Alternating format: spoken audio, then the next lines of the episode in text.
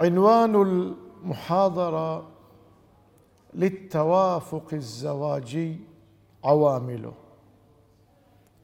اولا ما هو التوافق الزواجي؟ وطبعا الحديث طويل ويراد أن يكون في 45 دقيقة لهذا سيكون مختزلا. الزواج عقد يربط بين شخصين هناك عقد الاستئجار هناك عقد البيع. هنا عقد يسميه الناس شريك حياة لأن البيت سيضم الشخصين ما لم ينهى العقد إلى أن يموت أو يموت أحدهم. بالتالي هناك تفاعل طبيعة الحياة. هذا إنسان هذا كائن حي. فهو يتفاعل كل واحد مع الآخر. هذا التفاعل إما أن يكون تفاعلا مضرا ذا طابع سلبي وإما أن يكون التفاعل ايجابيا. التوافق الزواجي هو السعي لكون التفاعل بين الزوجين مبنيا على أكبر قدر من التفاهم والانسجام في جوانب حياتهما. عندهم جانب عاطفي. تسمع اليوم مصطلح الطلاق العاطفي. يعني زوج وزوجة ما بينهم عاطفة تماما. إذا جوهم ضيوف تكلموا ويا بعض. طلعوا ضيوف كان هم يعرفون بعض. ياكلون ساكتين. يقومون كل واحد في حال سبيله. سموه طلاق عاطفي. طلاق مصطلح فقهي ما لي ربط بهالاصطلاح لكن أريد أقول عاطفة مين موجودة ما في انسجام. في جانب آخر جانب الفراش ما يسمى بالرغبات الجنسية. هذا طبعا لا حلال لها إلا هو ولا حلال له إلا زوجته ما عنده غيرها هذا حلال. إذا ما كان هناك انسجام أيضا يؤدي إلى مشكلة في استقرار البيت الزوجي. عندهم الجانب الثقافي كلما تفاوت الشركاء في أفكارهم وتباينت كلما كان ذلك مدعاة للتصادم. أنت صديقك إذا كل شيء تختلفون تمل منه ما نتفق على شيء. فالتقارب في الجانب الثقافي يسهم في في الانسجام. الجانب الاجتماعي له دور بعض الأحيان في تفاوت في الوضع الاجتماعي. هو من طبقة هي من طبقة. الإسلام يقول إحنا نمشي خلق ودين لكن الإسلام حتى يكون فاعلا لابد نتقيد به. إذا إحنا مو متقيدين بالمستوى المطلوب الاختلاف الطبقي قد سبب لنا مشكلة. هي زينب ابنه جحش زوجها النبي زيد. اختلفوا وطلقوا هي ترى نفسها من من قريش. كانت تتوقع النبي خاطبينها لنفسه مو لشخص يراع عبد لمحمد صلى الله عليه وآله. فهذا بعدين صار في حياتهم المعيشية أيضا انعكس يؤدي إلى الطلاق. فبعض الأحيان يكون الإنسان مو متقيد بالمفاهيم الدينية بالحد الكافي فالاختلاف الاجتماعي يأثر عليه على استقراره في البيت الزوجي. إذا صار انسجام في هذه الأبعاد العاطفية والجنسية والثقافية والاجتماعية هذا سيحقق قدرة لدى الزوجين على امتصاص المشكلة إذا حدثت. ويساهم في القضاء على المشكلات ويساهم في استمرار المودة والمحبة والرحمة بين الزوجين ويساهم في تحقيق أهداف الزواج. أنت لم تزوجت؟ ما هي أهدافك؟ ما هي أهدافك؟ إذا كان هناك انسجام بين الزوجين يتحقق الأهداف بسلاسة تتحقق بسلاسة. اذا هذه مقدمة نتعرف فيها على توافق الزواج.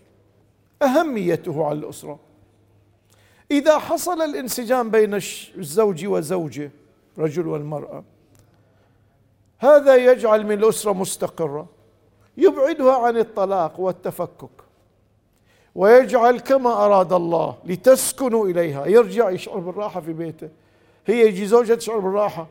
إذا ما في انسجام هو الآن من يقبل على بيته ينظر للباب يتضايق يقول أحم نشوف هذه.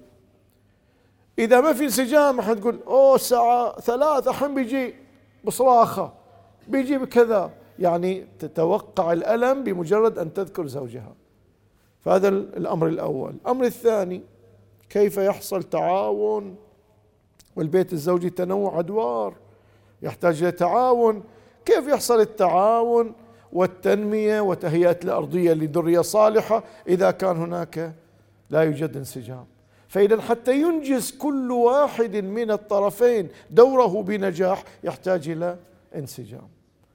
الأمر الثالث الحياة فيها صعوبات. إذا ما في انسجام قد يحصل مزيد مشاكل. يعني تخيل واحد عنده مشاكل في العمل يرجع إلى البيت تتلقاه زوجته بما أمر الله. يعني بالترحيب وتقدم له ينسى شغله وينسى مشكلته في العمل.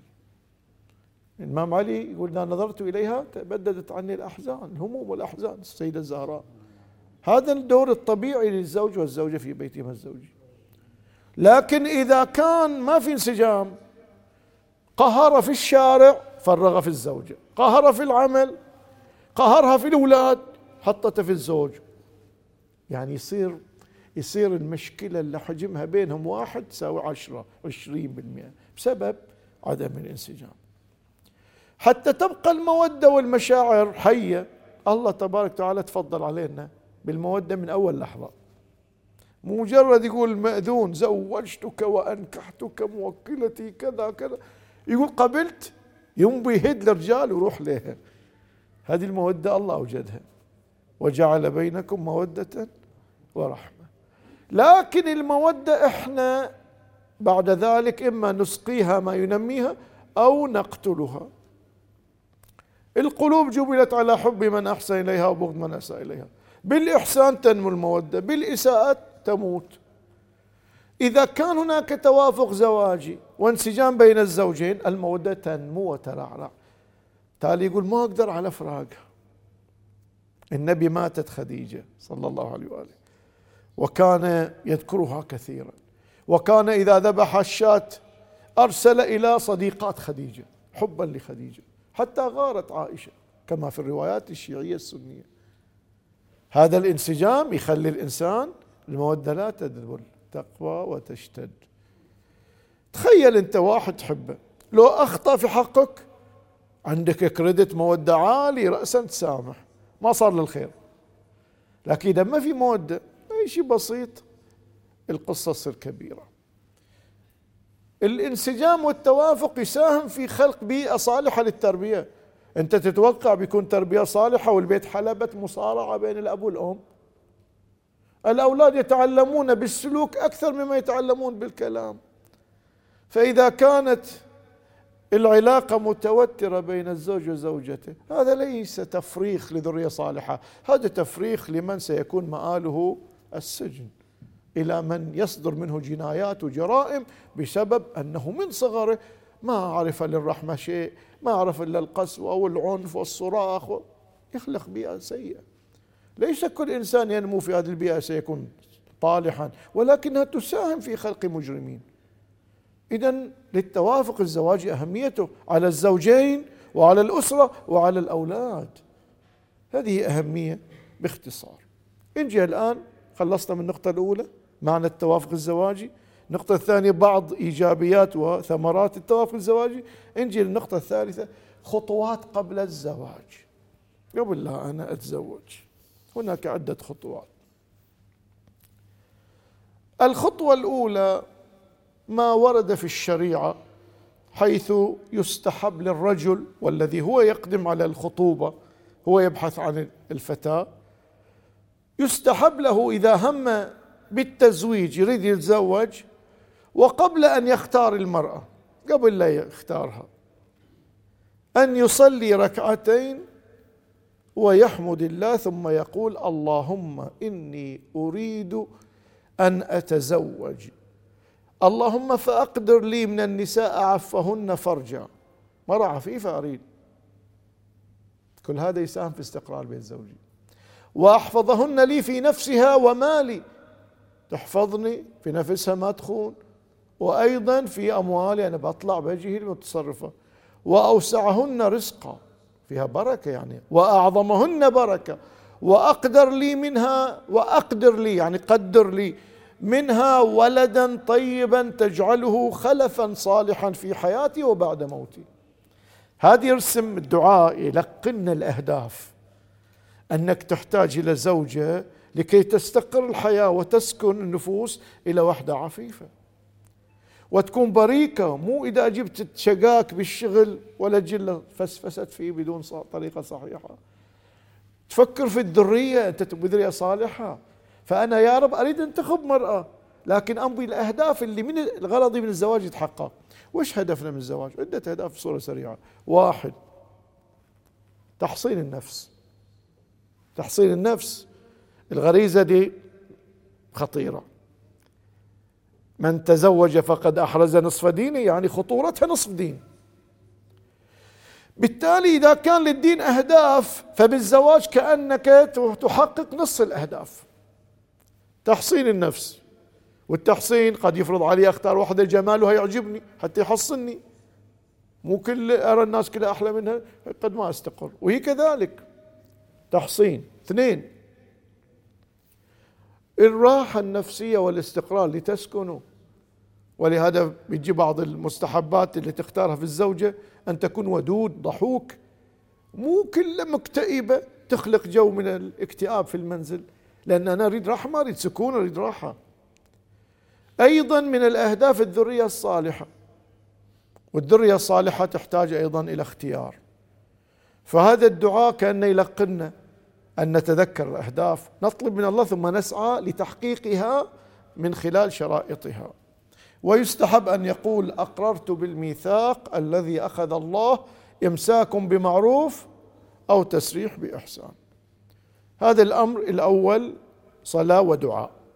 الخطوة الثانية لمن يريد أن يتزوج أن يطلع على الصفات الواردة في الروايات. في الرجل والمرأة. أنا بختار امرأة أشوف صفات المرأة. هي بتقبل بخاطب تقدم لها تقرأ ويش ويش الصفات؟ أبوها يقرأ حتى يساعدها في اختيار من تنطبق عليه الصفات. الأمر الثالث خلصنا قرينا الروايات والصفات. الحين أنا أرسم لي صورة المرأة اللي أريدها. خلقا وخلقا. واحد يقول أنا أميل للسمرة واحد يقول أميل للبيضة واحد يقول أنا أحب طويلة واحد يقول أحب قصيرة. الله خلقنا أمزجة. الشاعر يقول الناس وإيش يقول الشاعر؟ الناس تعشق من خال بوجنته فكيف بي وحبيبي كله خال. يحب واحدة لونها أسمر أسود أسود يبدو من الشعر. الله خلق وخلانا أمزجة. تقول لي أمه باخذ لك فلانة أحلى. يقول لا أنا بهذه غير هلا. وهذا من نعمة الله. يعني ولا تقاتلنا على شيء واحد. فإذا أنا الآن قرأت الروايات عرفت الروايات أم بأرسم ويش أميل إليه من جهة الخلق والخلق. خلقت لي مواصفات بعدين نتحرك على ضوءها. هذه الخطوة الثالثة. الخطوة الرابعة الإعداد للمقابلة مع الآخر اللي بنتخبه كزوج سواء المرأة أو الرجل. مقابلة أو ما يقوم مقامها كما سنذكر. الآن عرفنا الخطوة النقطة الثالثة ما هي الخطوات قبل الاختيار. نجي النقطة الرابعة. ما هي المواصفات المنصوصة؟ حديث سريع لأن ربع ساعة إلا ربع. اختاروا لنطفكم. النطفة اللي يتكون منها الجنين سيكون مع بويضة المرأة.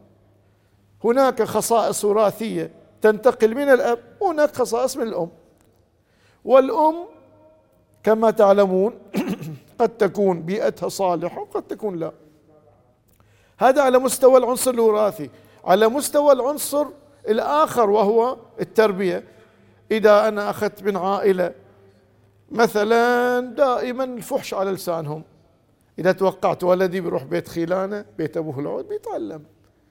إذا الزوجة اختارت زوج هو أهله في عندهم فحش وش بيصيروا أولادها؟ فهذا الاختيار على مستوى العناصر الوراثية وعلى مستوى البيئة الحاضنة للتربية. نجي الآن إلى نقفز إلى الصفات. يا أيها الناس إياكم وخضراء الدمن. الدمن البهايم ترمي مخلفاتها البول والبعرة وينمت ساعات نبتة جميلة وسط هذا شفت البيئة كلش؟ بيئة مخلفات لكن شجرة أو نبتة جميلة في الوسط. فهذه الرواية تقول ترى أنت بتختار مو بس تنظر للنبتة انظر له من وين طلعت هالنبتة؟ اختاروا يا أيها أيها الناس إياكم وخضراء الدمن. قيل يا رسول الله صلى الله عليه وآله وما خضراء الدمن؟ قال المرأة الحسناء في منبت السوء. هذا تفسير النبي صلى الله عليه وآله كما في الرواية. من تزوج امرأة الرواية لا يتزوجها إلا لجمالها. تقول لي هذه ما عندها دين. قال أنا بسعى. تقول لي هذه كذي تاريخها؟ قال عجبني شكلها. يمكن الله يهديها. آخر شيء أفكر في الدين أهم شيء الشكل. من تزوج امرأة لا يتزوجها إلا الجمال. شوف تعبير النص. ما يمنعك تتزوج للجمال بس مو وحيد. إذا هو هذا الوحيد على حساب الدين وكل شيء بتواجه مشاكل. لا يتزوجها إلا لجمالها لم ير فيها ما يحب. ومن تزوجها لمالها هذه بنت المليونير. يعني عشر عشرين ثلاثين سنة يموت هذا وتجي يحاس منها بالحساب. لا يتزوجها إلا له للمال وكله الله إليه. والله اللي يوكل لغيره لغير الله خب ما يربح يخسر لا بركة لا شيء. فعليكم بذات الدين. هذه بعض الروايات واردة في المرأة. فالرجل عن رسول الله صلى الله عليه وآله النكاح رق. ما دام أعطينا القيومية للرجل ففي خطورة أن يدير الأسرة من لا يصلح للإدارة. أنت أيها الأب مطلوب منك أن تفتش عن هذا الذي ستجعل منه يدير ابنتك. اختر لها. النكاح رق فإذا أنكح أحدكم وليدته فقد أرقها فلينظر أحدكم لمن يرق كريمته. تعبير حتى يحرك المشاعر. عبر رقه مو رق. النبي صلى الله عليه وآله ما ملك الرجل المرأة؟ وواجد روايات جميلة في حق المرأة. إنما الكلام يقول ترى بعدين بتواجه بنتك صعوبة إذا أنت ما ساعدتها في الاختيار الحسن. وتجينا مشاكل. الأبو الآن حزين يقول إحنا استعجلنا وإحنا كذا. هو في توصيات في الروايات. خلينا نقفز عن الروايات ونروح لنتيجتها بصورة سريعة. مما روي من المواصفات في وصفان رئيسان. يغطي عن البقية لكن بقية تفاصيل. إذا جاءكم من ترضون خلقه ودينه فزوجوه. خلق والدين. إذا عنده دين ما يظلم. وإذا عنده خلق ما يزعج. فلا إزعاج ولا ظلم. تستقر الحياة. من الطرفين. لكن مع ذلك هناك بعض الروايات تفصيلية. مثلا في المرأة يستحب أن تتزوج بكرا. لازم أنا أخرج من الموضوع وأجيب بين قوسين كلمة. البعض يقول أنت تذكر مواصفات فيها ظلم للمرأة ساعات. كيف؟ يعني إذا بتقول أن المرأة لازم تتزوج واحدة عائلتها زينة. وجدا بأني أنا مرة زينة بس إخواني مو زينين. خلاص أنا الإسلام يقول لا يتزوجوني؟ لا. الإسلام يقول هناك أمور دخيلة في استقرار البيت الزوجي. دخيلة مو دخيلة بنحو الضرورة لا يمكن يستقر بدونها. لهذا قال مستحب ما قال يجب. والأمر الثاني أن هذه المواصفات خب مو بالسهل تجتمع في واحدة. فغالبا الناس يوازنون. واحد يقول أنا بضحي بمسألة أن لازم أهلها يعني صالحين لأن المرأة أصلا مدرسة حوزة أو مثلا خلوقة متدينة. أصلا هذه ما بتحصل مثلها حتى لو في بيئة زينة غيرها. واجد يخطبون الناس النبي تزوج خت معاوية. صح لو لا؟ فبعض الأحيان أنت تتزوج تتزوج تقول حتى لو فقدت مواص صفة من الصفات فيها صفات أخرى تغطي على النقص. فما في ظلم. الحين لو واحد جاء قال لك متقدم لبنتي واحد مريض كلش مسكين. لو قلت له بعد بتتعب بنتك. ها أنت ظلمته وش ذنبه الله ابتلاه بالمرض لا هذه نصائح. نصائح لكن مو ملزمة. أنت كيفك واحد يقول أنا باخذ المريض ام بثواب الله. هنيئا لك. الله بيثيبك. تتحمله وبتحصنه وإن شاء الله لك ثواب عظيم عند الله. وما دام همك الآخرة الله بيعوضك. ففي ناس تقبل لأن هي عندها أهداف أخرى. لكن كنصيحة للاستقرار خب لازم النبي يذكر الأفضل. هذه نقطة. بكر هاي الأول. نقطة ثانية. البعض يقول إلا طلقت. صاير المجتمع يقسو عليها ما يتزوجها. يا جماعة لازم نقف وقفة في هالنقطة. الطلاق لا يعيب الرجل ولا المرأة. كيف؟ أنت تعلم لما طلقت هالمرأة؟ اي هذه سوت فاحشة؟ يعيبها. هذه طلقت لأن زوجها اللي بها سفور وقالت ما تخلى عن ديني. وصل الأمر للطلاق. هذا يعيبها الطلاق. هذه الآن مستعدة تضحي بأسرتها وزوجها من أجل دينها. هذا ما يعيبها الطلاق لهذا نقول أيها الأحبة لا تجعلوا من كلمة طلاق والنبي تزوج مطلقات وغيرها أيضا وأرامل. ما يعيب المرأة هذا الحدث فقد يكون السبب يضفي عليها مزيد جمال في خلقها وسلوكها. بكرا ولودا لماذا ولود؟ لأنك تريد ذرية من أهداف البيت الزوجي.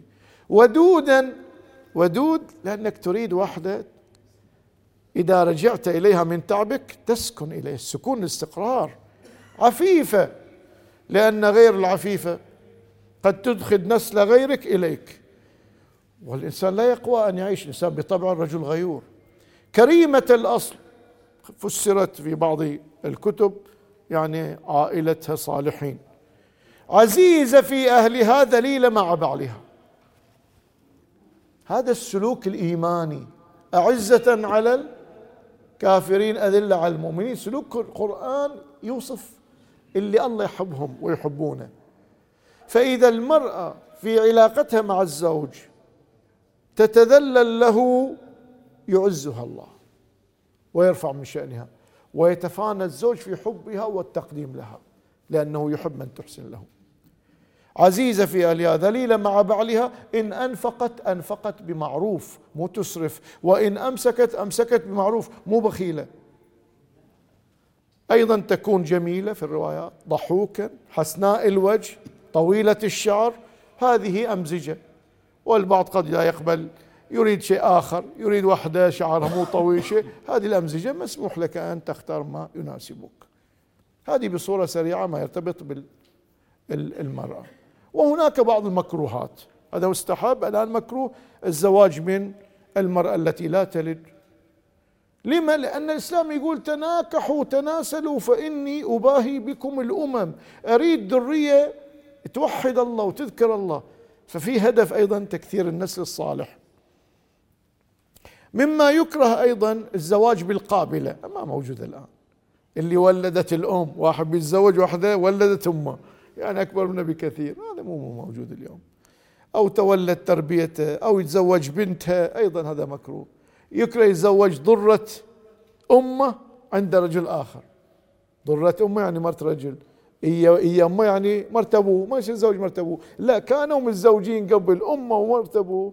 واحد مات تالي جاء واحد ثاني أخذهم فنتينهم يتزوج بالجملة. هذا يكره إذا جاب ولد يتزوج. طبعا ما تزوجهم اثنينهم على أساس لا نغلط في المثال. تزوج أم هذا يكره وجاب ولد يكره هذا الولد يتزوج ضرة أمه من رجل سابق. هذه فقهيات. يكره الزواج بالمجنونة والحمقاء هذه فيما يرتبط بالمكروهات. يكره يتزوج واحدة متولدة من الزنا. يكره بالزانية والأحوط تجنب المشهورة بالزنا اللي ما تريد أحد ما يتزوجها. وإذا واحد ذاك البعيد زنى بامرأة الأحوط ما يتزوجها إلا إذا حصلت التوبة. بدون توبة الأحوط ما يتزوجها. هي بصورة سريعة فيما يرتبط بالمرأة. نجي للرجل يكره أن تتزوج المرأة سيء الخلق. بتتعب بتتعب لهذا هي ما تقدر تتعرف على أخلاقه. صار والدها أخوانها خيلانها أعمامها يدخلون يسألون تفتشون سيء الخلق مكروه. بعد تعبير الرواية والفتوى فتوى بعض العلماء ذكرها في الرسالة العملية والمخنث. يعني أنت بتزوج رجل بتزوج واحد يتظاهر بسلوك النساء. هذا مو دور هذا الشيء. هذا مكروه. الفاسق شارب الخمر الإعرابي. أعرابي اليوم ألحق العلماء من يسافر لبلد يبتعد عن الدين لا يحصل على الثقافة الدينية لا يعرف المعلومة الدينية لا يمارس ما يستطيع يمارس دينه كامل. هذا تعرب بعد الهجرة من الكبائر. ما يتزوج واحد واحدة من مرة تتزوج واحدة واحد من هذا النمط هذه بصورة سريعة في المواصفات وأخذ الوقت. نجي الآن إلى المقابلة. وإيش نسأل في المقابلة؟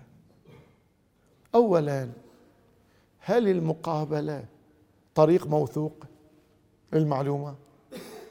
وش تقولون أنتم شباب؟ والنساء نفس الشيء سؤال لكم أنا إذا دشيت واحدة وعجبتني من شفتها. إما إذا سألتني سؤال قد ترفضني يمكن أنا أضعف وأكذب أكذب. أو أجاوب عمومات إيه تقوى الله والله برضات الله. أنت تصلي في الجامع أنت تصلي الفريضة في وقتها لولا طبعا الدين مهم فيه الإسلام والص شوف. حيبويها لا. فالمقابلة مو طريق موثوق. لأنك تتكلم مع شخص راغب فقد يصدق وقد لا يصدق. لكن مع ذلك اليوم هاي ما كانت موجودة سابقا. ما كانت موجودة سابقا. اليوم صار من ضمن ثقافة بعض المجتمعات في في مقابلة. السؤال اولا هل يركن إليها؟ لا. ولكن قد تنفع في أمرين.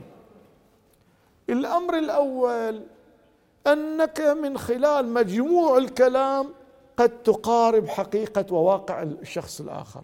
من مجموع كلامه تقول هني غالط نفسه هني وهني. هاي شكله ساعة تقول له شكله صادق. شوف قال هالكلمة.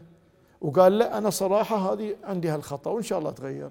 فساعات في قرائن توجب لك تقترب من حقيقته. هذا واحد. اثنين بعد الزواج تقدر تقول له؟ أنت مو قلت كذي في الجلسة مو قلت كذي ليش الحين تبي تغير؟ إحنا اتفقنا كذي فتفاهمنا كذا. يمكن أن آه، يحج بها حتى يتغير عن أخطائه بعد الزواج. هذه النقطة الأولى عن المقابلة. النقطة الثانية ماذا نريد من المقابلة؟ المقابلة نريد منها التعرف على أمرين. الأمر الأول جانب الشكلي والأمر الثاني الجانب الفكري للآخر. قبل لا نروح إلى هذين الجانب الشكلي نظرة في لحظات عرفت شكلها. خلاص. لكن أنا أبي أسولف وياها عن أفكارها. يمكن ساعة ينبلي ورد يقول لي بعد بمقابلة ثانية. وش اللي يبررك عندي مرأة أجنبية ساعة وساعتين. هنا عندنا مشكلة. الفقهاء يقولون هذا التقابل أنت قبل العقد عليها هي أجنبية وأنت أجنبي. وبالتالي إذا بتقعد إياك الآن لمعرفة جانبها الفكري وأهدافها وغاياتها لازم بالستر الشرعي ولازم مع الأمن والوقوع في المعصية. وصعب شاب وشابه قاعدين يسولفون ساعة وهو يتوقع يتزوجها وشي صعب صعب المسألة. لهذا البعض يقول لابد يكون وسيلة التعرف على أفكار الآخر لا توقعني في معصية. ولو من خلال كتابة من خلال وسيط مثلا أختي أنا أطرش لها وهي تطرش للعروس. والعروس طرش لأختي وأختي. على أساس نبتعد عن المعصية. واحد يقول لا تعقدون الأمور. المسألة مو تعقيد. الله لما حرم وأوجب لمصلحتنا. إحنا نبي البركة. ما نبي نبدأ بغلط. لأن وجدنا حتى التواصل المباشر صار مزاح وصار تعليقات كأنه يعرفها من زمان. هذه مي حلالك بعد هي؟ لهذا المقابلة تحتاج إلى إلى أن لا تستلزم حراما. من الحرام ترقيق المرأة صوتها بالنحو المثير. من الحرام المزاح اللي يخالف المرتكزات الشرعية. من الحرام أن تقعد بدون حجاب. ليش قاعدة بدون حجاب؟ قالت قالوا لي في المقابل لازم يشوف شعري. يشوفه في لحظة مو ساعة من الحرام حركة الشهوات. فدي المسألة لازم الإنسان إذا بيختار المقابلة أو التواصل بوسيلة لابد يكون لا يقع في المحذور. هذه بصورة عامة. نجي الآن إلى شرائط النظر ثم ماذا نطرح في المقابلة. شرائط النظر. يجوز أنظر لامرأة بلا حجابها الشرعي لأني أريد أتزوجها إذا عجبتني. طبعا البعض من النساء تقول يعني شلون الإسلام كذي؟ هي سلعة المرأة. المرأة سلعة. اللي يجوز لها يجوز للرجل يجي يطالعها ويمي زوجته. لا تنظروا المسألة بهذه الطريقة الخاطئة. الإسلام لا يقول المرأة سلعة. إذا ماذا يقول الإسلام؟ الإسلام يقول نحن نرى أنه ما بني بناء في الإسلام أحب إلى الله عز وجل من التزويج. وهذا البناء المقدس الذي يحبه الله لابد أن يكون فيه عناصر نجاح. والرجال بصريون في الغالب. يعني الشكل يأثر على قراره واجد. حبيتها وين شفت وش أنت وش تعرف عنها؟ قال حبيتها. وش تعرف عنها؟ قال شفتها تشتغل في المؤسسة الفلانية ودخلت قلبي. شكل. فالرجال بصريون. وبالتالي بالتالي تخيل في زمانك آبائنا ما كانوا يشوفوا العروس ما يعرفون المسألة الشرعية وما يشوفها إلا ليلة الزواج. لكن اليوم أنت تروح في الجامعة وتشوف أصناف النساء وتشوف أصناف الرجال وتروح إلى العمل وزميلتك موظفة والكل والمجمعات.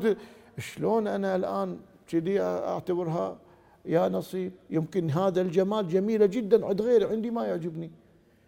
فحتى لا المرأة مسكينة طلاق بيدها لا. يتزوجها اليوم وباكر يقول بس ما نبيها. ضررها من الطلاق أكثر من ضررها من نظر الزوج أو الخاطب لها دقيقة يشوفها ثواني وتتستر. هذا الضرر أكبر. شافها زين لو خطبها وقعد يا يومين وقعدت بدون لباسها وكذا طلقها. الخسارة الخسارة أكبر.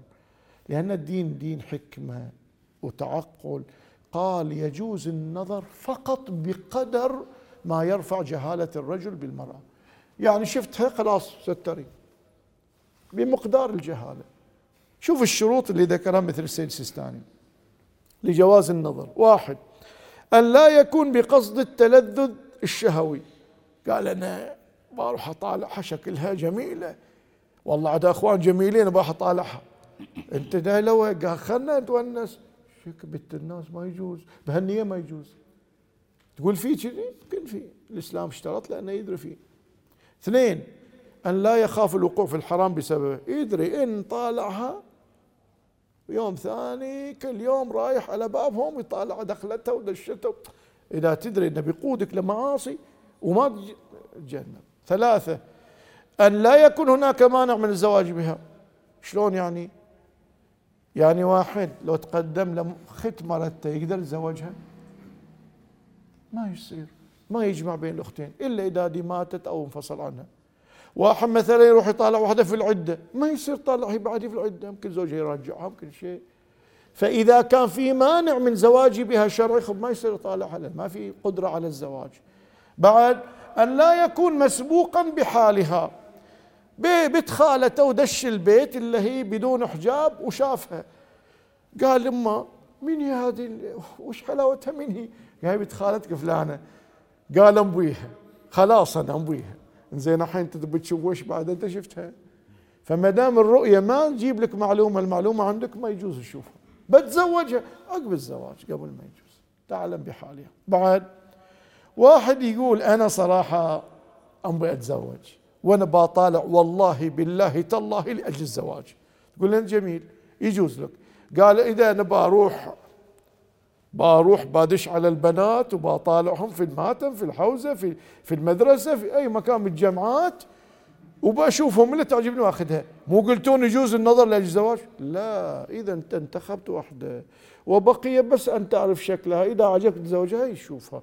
مو تجي طالع مفتوح العرض ما يصير. ما يصير. على أساس نعرف أن الإسلام مو متساهل في النقطه مو فاذا المرأة لها كرامتها وإنما رفع الإسلام جزءا صغيرا لحظات فقط لأجل مصلحة المرأة والرجل. لا ينهدم البيت بعد ذلك فقط. لحرمتها لكرامتها عرفنا الآن هذا الجانب الشكلي عرفناه بالمقابلة السريعة. أما ما يرتبط بالجانب الفكري وش الأسئلة اللي أطرحها؟ اولا أنا ذكرت لكم أن المقابلة إنما تجوز إذا أنا ما بقع في الحرام وإلا لابد أتخذ أساليب أخرى تجنبني الحرام. هذا واحد. اثنين هل في الإسلام نصائح ماذا تسأل من تتقدم لها؟ لا الإسلام ما تكلم عن المقابله حتى يطرح لك وش الأسئلة. بالتالي ما سأقوله هو نتاج. أخصائيين أسريين حضرت عندهم المئات من المشاكل وجدوا أنه لو حصل توافقات قبل الزواج على هذه الأسئلة واجوبتها يقلل المشاكل. وبصورة سريعة سأذكر ثمانية عشر سؤالا سريعا عن لا يأخذنا الوقت. الأول التعرف على الطموح والأهداف. مثلا واحدة تقول لي أنت وش طموحك؟ قالت طموحي أن أصبح أفضل وحدة في قسمي في العمل. تقول لها زين والزواج؟ إي بتزوج. والأولاد؟ إن شاء الله الله يعطينا. وش طموحك في الأولاد؟ ما فكرت. أنا عندي الحين هدفي الوظيفة هدفي كذا. هذا طموحها بالنتيجة. واحد يجي همه شهوته. اذا هو وش طموحه؟ أنت الآن ليش نقول إحنا في الإسلام الله يقول وما خلقت الجن والإنس إلا ليعبدون؟ هذا الهدف النهائي. تحت أهداف اللي يتزوج أيضا ناوي أن يتقرب إلى الله. في الرواية من نكح نكح يتزوج لله وأنكح لله استحق ولاية الله. بالتالي الإنسان زواجه لازم أيضا في ضمن هدفه الهدف الإيديولوجي الكامل. يعني أنا في الدنيا ليش؟ أنا جاي هني مزرعة آخرة. أبغى اتزوج يساعدني على أزرع الآخرة. أبغى زوجه تساعدني على الدين. وهي كذا أم بزوج يعصمني ويساعدني على تقوى الله ووديني حج وديني زيارة. يعني نظرها دين. هذا إذا كانت الأهداف عليا وواقعية ومنسجمة مع الخلقة والغرض من وجودنا في هالنشأة هذا يساهم في في التوافقات. هذا الأمر الأول. الأمر الثاني ما تصور الطرفين إلى الزواج. تقول لي أنت وش يعني تصورك للزوجة؟ واحدة تطبخ لي تكنس البيت ثيابي تكويهم أجي مرتبين. إذا أنت تصور لخادمه هاي التصور لخادمه يستحب لها تخدمني استحباب شيء بس مو هذا أصل الزواج. تقول لها أنت وش نظرش للزوج؟ يدلعني المطاعم اللي أحبها يوديني سفرات يوديني كذا. إذا انت انت تحتاجين لوزير مالية مو لزوج. فإذا تصور الطرفين للزواج لابد يكون يقول أنا عندي الزواج لأهداف واحد اثنين ثلاثة الإسلام طرحها علينا وأنا أتمنى كذا نتساعد على تحقيق الأهداف والاستقرار والسكن وك... لا فرق لا. فرق. هذا يرسم حياتنا. حياتنا هذه سفينة تنطلق. إذا واحد هدفه يروح السعودية وواحد هدفه يروح قطر هذا طريقة مني طريق ما يصير. لازم هدف واحد حتى نتحرك باتجاه واحد. بعد التعرف على الصفات. يعني واجد مشاكل. وش عندك؟ صراحة شيخ أنا كنت أتمنى زوجة طويلة. نزيت ما شفتها؟ شفتها. أنت لازم تقول أنا أتمنى زوجة مثلا تحب تصلي مستحب تصوم تساعدنا تحب العمرة تحب الكذا مواصفات سلوكية خلقية خلقية. هذه إذا أنت طرحت هي طرحت يشوفون يتناسبون لولا. واحد همه العفة واحدة آخر همها العفة تقول لي أنا اللي بروح النار لو أنت؟ أنت عرضي أنت عرضي لا. الله اللي بيحاسبني. في اختلاف إذا في الصفات أنا بمتدينة هي تبي واحد لا تبي مو مو هذا الطريق. مشكلة مشكلة أنا جتني مشاكل بهالسبب أنه يختلفون على أمور دينية. تقول لي أنا بسمع أغاني تشكوا يقول لي الأغاني تذهب بركة البيت. شو متربين أولادي؟ قالت الله بيحاسبني بروحي. أكيد بصير تصادم بعد تفكير في الإنجاب. واحد يقول هذا اتركه. لا بعض المشاكل هو ينبي ولد بسرعة وهي تقول لي أنا متفقة اياه أنا أبي أدرس أبي أخلص. الحين شايف باقي لي سنتين ثلاث إذا جبت ولد شايف أدرس وتصير مشاكل؟ ساعات بعض الأمور المرحلية لازم توافق عليه الدراسة مرحلة. هذا الأمر الرابع. الأمر الخامس المشاكل الصحية. هذه طبعا هي ما قالت إياها كذي. أنا لو أدري ما اتزوجها ونفس الشيء بالعكس. هذه طبعا اليوم الفحص الطبي يغطي جانب. وبنشير له بعدين في العوامل. الأمر السادس اجتماعي لو مو اجتماعي. ساعات وحدة تتزوج واحد انطوائي. تقول مين يدشون أهلي؟ راح غرفه وقفل الباب وقعد. ما يحب يقترب باحد من يجون ضيوف ما يعزم أحد. ما يبي يعزم أحد. ما نبي نزور أحد. ما نبي جارنا ما نعرفه. في فرق. هذه الجانب الاجتماعي ساعات ياثر سلبا. يقول كل أصدقائي يطلعون ويزورون مثلا صديقنا جايب ولد كلهم يجيبون نسوانهم والهدايا. أنا ما ترضى تروح تقول أنا ما أحب هالسوالف. يأثر. والعكس كذلك. تقول لي خلنا نروح أكو بيت خالك جايبين لهم ولد ويوم جبنا ولد جونا قال ما أحب. تفشلني بيت خالك؟ ما أحب أنا كذي. فهذا أيضا جانب ينظر له. الجانب السابع علاقته بالأرحام والوالدين. وهذا طبعا شيء مهم. لأن بعض الأحيان المشكلة تكون ليس بين الزوج وزوجته بين بين عائلة هذا وعائلة هذا. يحملون الزوجة ولدهم قطعهم ولدهم ما له علاقة هي. فبعض الأحيان نبي نعرف علاقته في نظرته للوالدين والأرحام. بعد الهوايات ووقت الفراغ هذا يرسم لنا شيء عن شخصية الآخر. إذا يقول أنا ليلة المباراة لا تكلميني. من الحين أقول لك ولا صوت. أنا أتوجه للمباراة أنا ما تفوتني مباراة. أنا أروح القهوة ولا كذا. أنا هي ترسم اهتماماته ولا تبين نظرته للمستقبل. هذا طبعا مهم أن نتعرف على ما هي هواياته وما هي رغباته. بعد عنده مشاركات مجتمعية تطوع عمل تطوعي عمل خيري لو أصلا هذه قد تبين عن حب للذات لو لا. يحب ذاته ساعات آخر شيء يفكر يقدم له إلى إلى المجتمع شيء. بعد صورة سريعة وش رأيك إذا تدخل أبوي أو أمي؟ أو تدخلت أمك في مشاكلنا أو أبوك؟ هذه طبعا ساعات التدخل يفسد. يفقدان الزوجين قرارهما. خلاص ما أقدر أرجع لك إلا أبوي يرضى وعمومي وكلهم دخلوا على الخط. هي بتصالح يا زوجها بس ما دام دخلوا تدخل الأطراف قد يهدم البيت الزوجي. هذا بعض الأحيان المرأة والرجل كل واحد يسأل الثاني عن تدخل الآخر. وأنا للأسف جتني قضايا بيطلقها على حساب أمها. أقول له هي قال هي زينة ما عليه غبار. بس أمها دوختني. اصبر. قال والله ساعة عورف هذه بس وش أسوي؟ تعبت من أمها. هذه أمها. ساعات الأم تجي لي يطلقها؟ البنت تبي زوجها الأم مصرة يطلقها.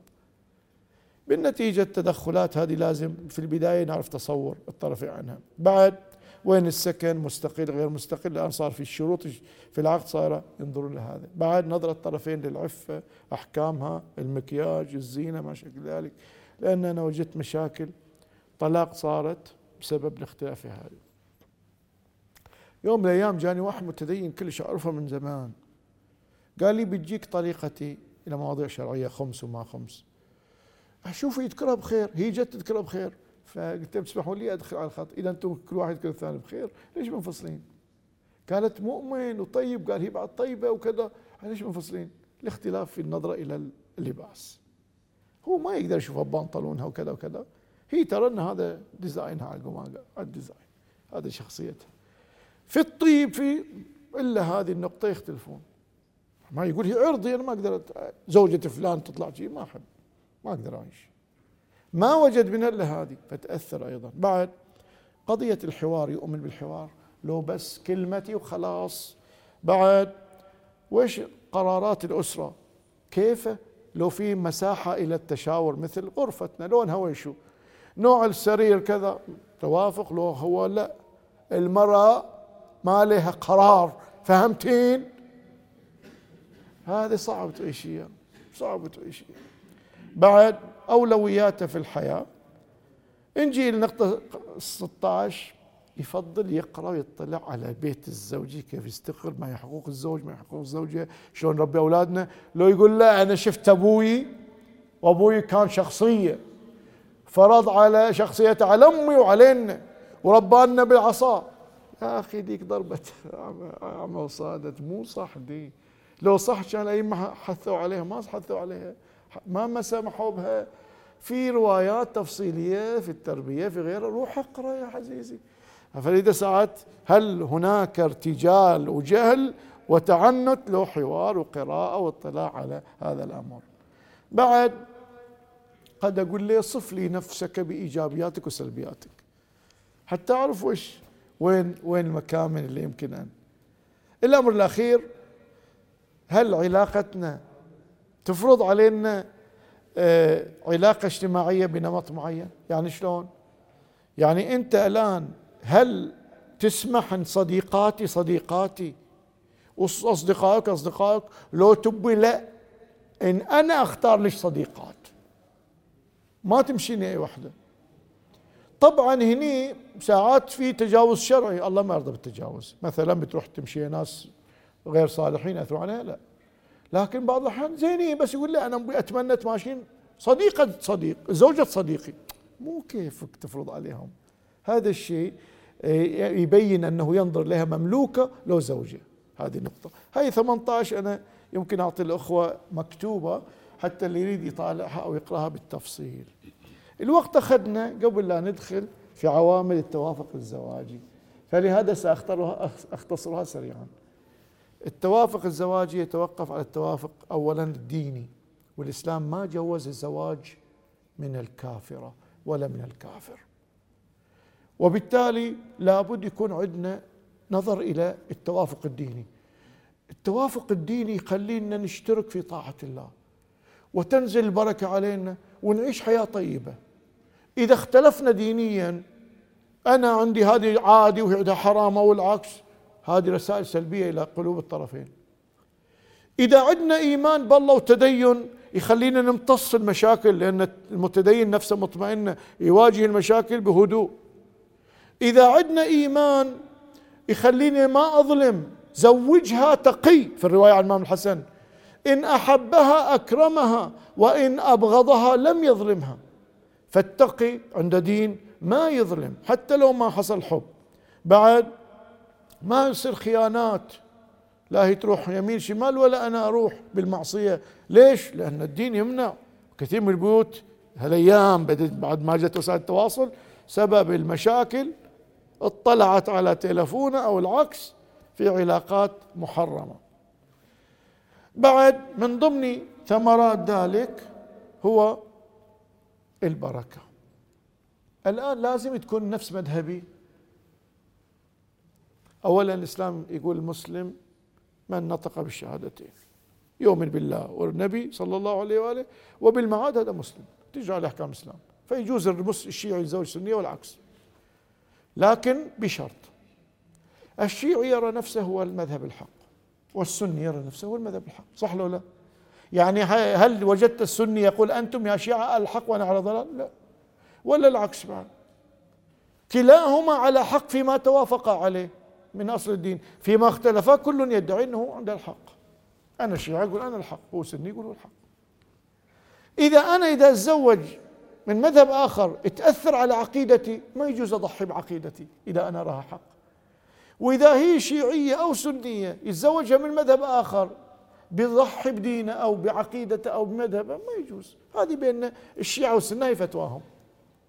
انه ما يجوز واحد يخسر عقيدته. اترك الجانب الديني. فالإسلام يقول يجوز الزواج إلا إذا كان ستخسر تدينا أو عقيدة أو شيء. اترك هذا الجانب. نجي دائره الجواز. ما بتأثر عليه ولا بأثر عليها. مع ذلك من استمعت له من الشيعة والسنة وتجاربي الشخصية أن الزواج بتوافق المذهب أفضل. أفضل عده جهات بصورة سريعة. أنا الآن لو تزوجت من مذهب آخر. أقول لها بتجيني هاي صار جماعة. قالت أنتم من غير صلاتكم شوي وأنا غير روح أنت. نروح العمرة. أنا علي طواف وهي عندها ما أدري ويش أقول لها بنروح هي حملة شيعية. تقول وأني ابي مرشد من مذهبنا. ودني في حملة وأنت روح في حملة. ما التقينا في طاعة. أقول لهم روح زيارة. قالت زيارة من وين جايبينها؟ لا من دين ولا شيء أقول لها ليله الجمعة دعاكم وين؟ دعاكم وين؟ لا شفنا لا في صحيح البخاري ولا صحيح مسلم. روح الله وياك. صح لو لا؟ هذا على مستوى الجانب الديني بيننا. بدل ما نلتقي في العمرة رايحين بعض في العباده رايحين بعض بعد تعال لمسألة الأولاد. الأولاد أنا ابيهم مثلي هي تبي مثلي. اختلفنا في الأولاد. بتقول لا ما بنتدخل ما بتتدخل. ولدك يجي بيت جدة يصلون كذي يروح بيت جدة ثاني كذي. وش يسوي؟ يصير الزواج منو الحاق. فله تأثير سلبي؟ هذا ما قاله اخصائي اسري شيعة وسنة. هاي مو يخصني أنا. أنا أقول هذا ما وجدته موجود يوتيوبات لهم من السنة أيضا. فكلما اتفقنا في الجانب الديني وفي تفاصيله كلما خلقنا أرضية للتفاهم أكثر. هذا الأمر الأول توافق في الدين. وعلى مستوى التدين أيضا.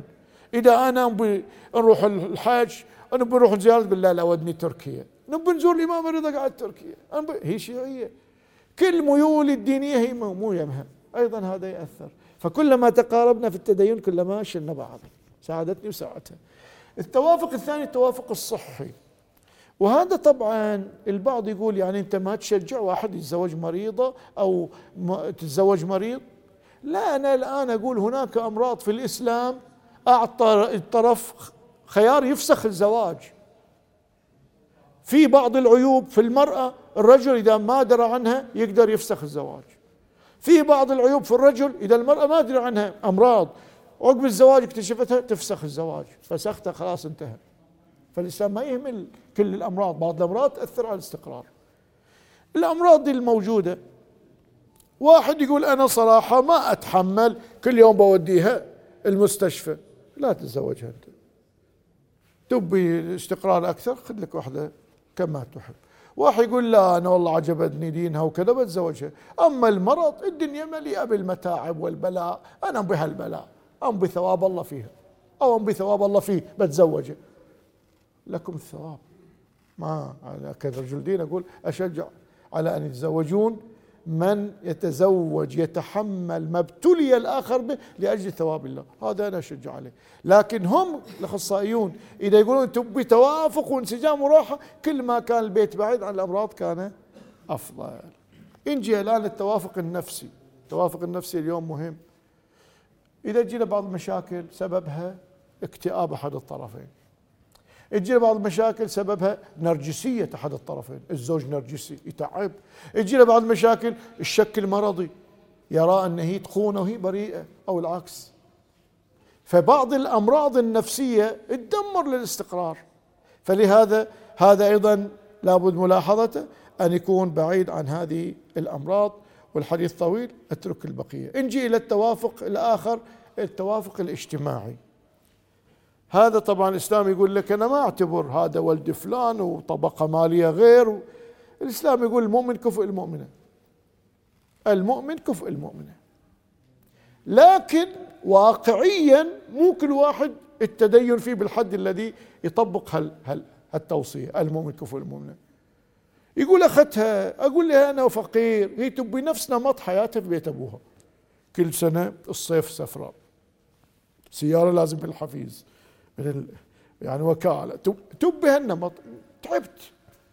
يصير ما يصير. وساعات بالعكس. نمطهم دلين منفتحين وعلى الغداء يتجمعون كلهم حتى ساعات تصير تجاوزات بالاختلاط لأن الاختلاط له شروط. هو يقول حياتنا إحنا كذي. أنا أخذتها ليش ما تقبل بي؟ بعض الأحيان ما يصير. يعني واحد من المؤمنين تقدم أبو أبو العروس قال له شوف إحنا كل أسبوع نجتمع على الغداء والبنات كلهم ورجالهم تب بيتنا تنضم إلى إلى الغداء.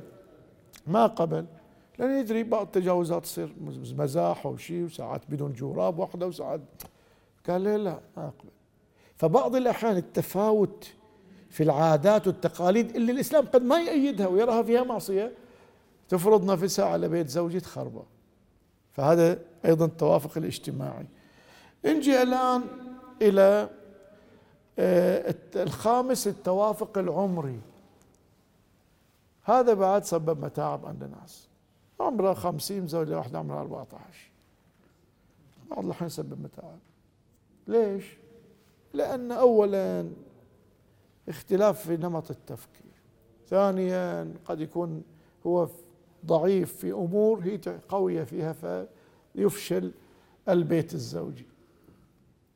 بعض الأحيان ذاك البعيد ما يقدر يعطيها حقها في الفراش تروح تروح للمعصية. صار صار في بعض البلدان. التوافق العمري مهم. ويفضل الرجل يكون أكبر من المرأة. مو ملزم. النبي قيل الزواج خديجة أكبر منه ونجحها وصار مضرب مثل. لكن أمير المؤمنين خلق للزهراء والزهراء خلقت لأمير المؤمنين. علي أكبر سنا. هذا ينعكس ينعكس ليش؟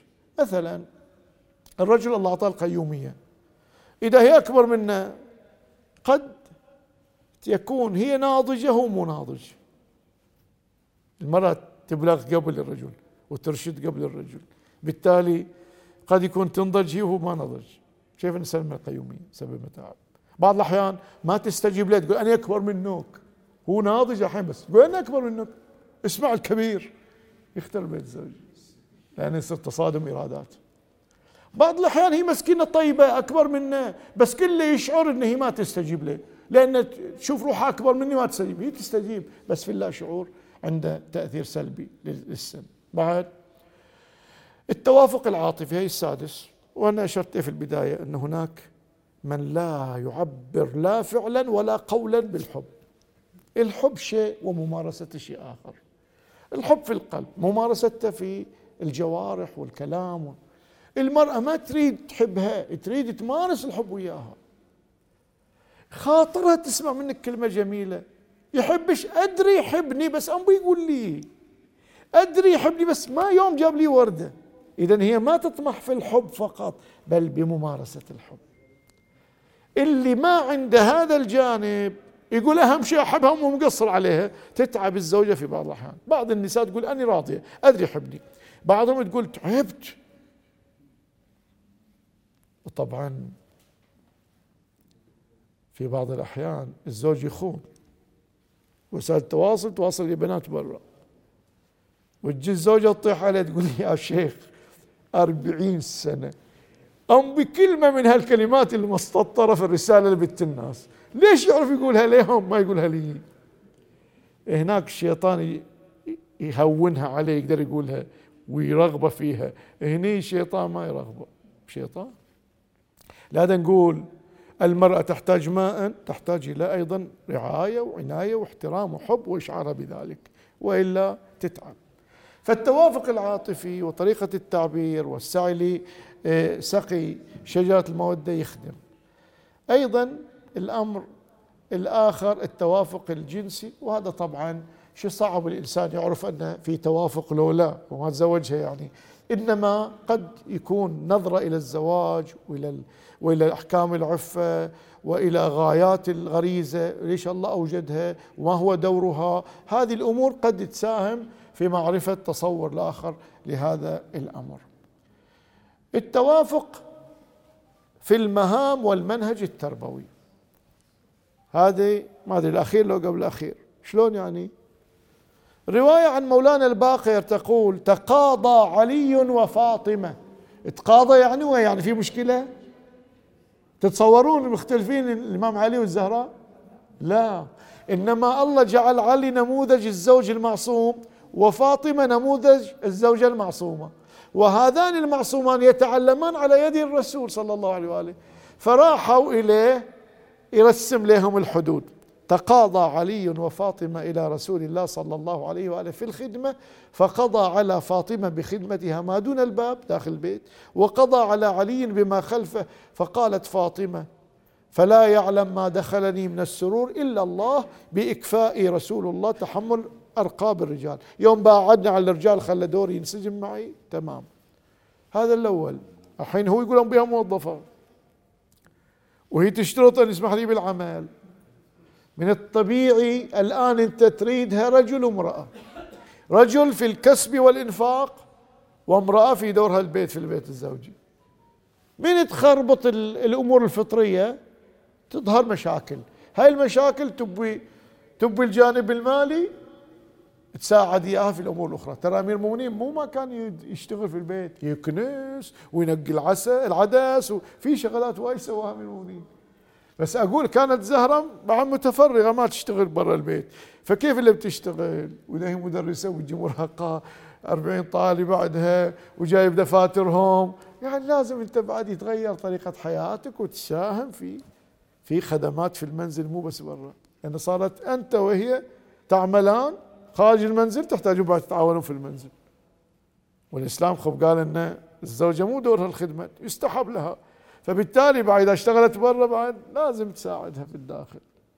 فإذا التنظيم والاتفاق فيما يرتبط بأدوار الزوجين هذا مهم. وكذلك في التربية يتوافقان على التربية حتى لا يصير تصادم هذه بصورة سريعة عناصر دخيلة. السؤال الأخير هل هذه شروط نجاح؟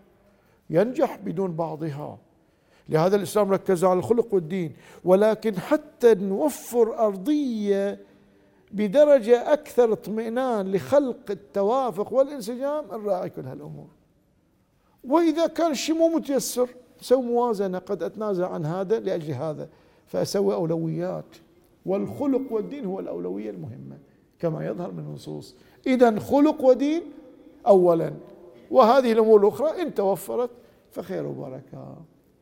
كان بودي أتكلم عن ما هي سلبيات عدم التوافق على الزوجين وعلى الأولاد لكن الوقت انتهى اكتفي بهذا المقدار. والحمد لله رب العالمين وصلي اللهم على محمد وآله الطاهرين. اللهم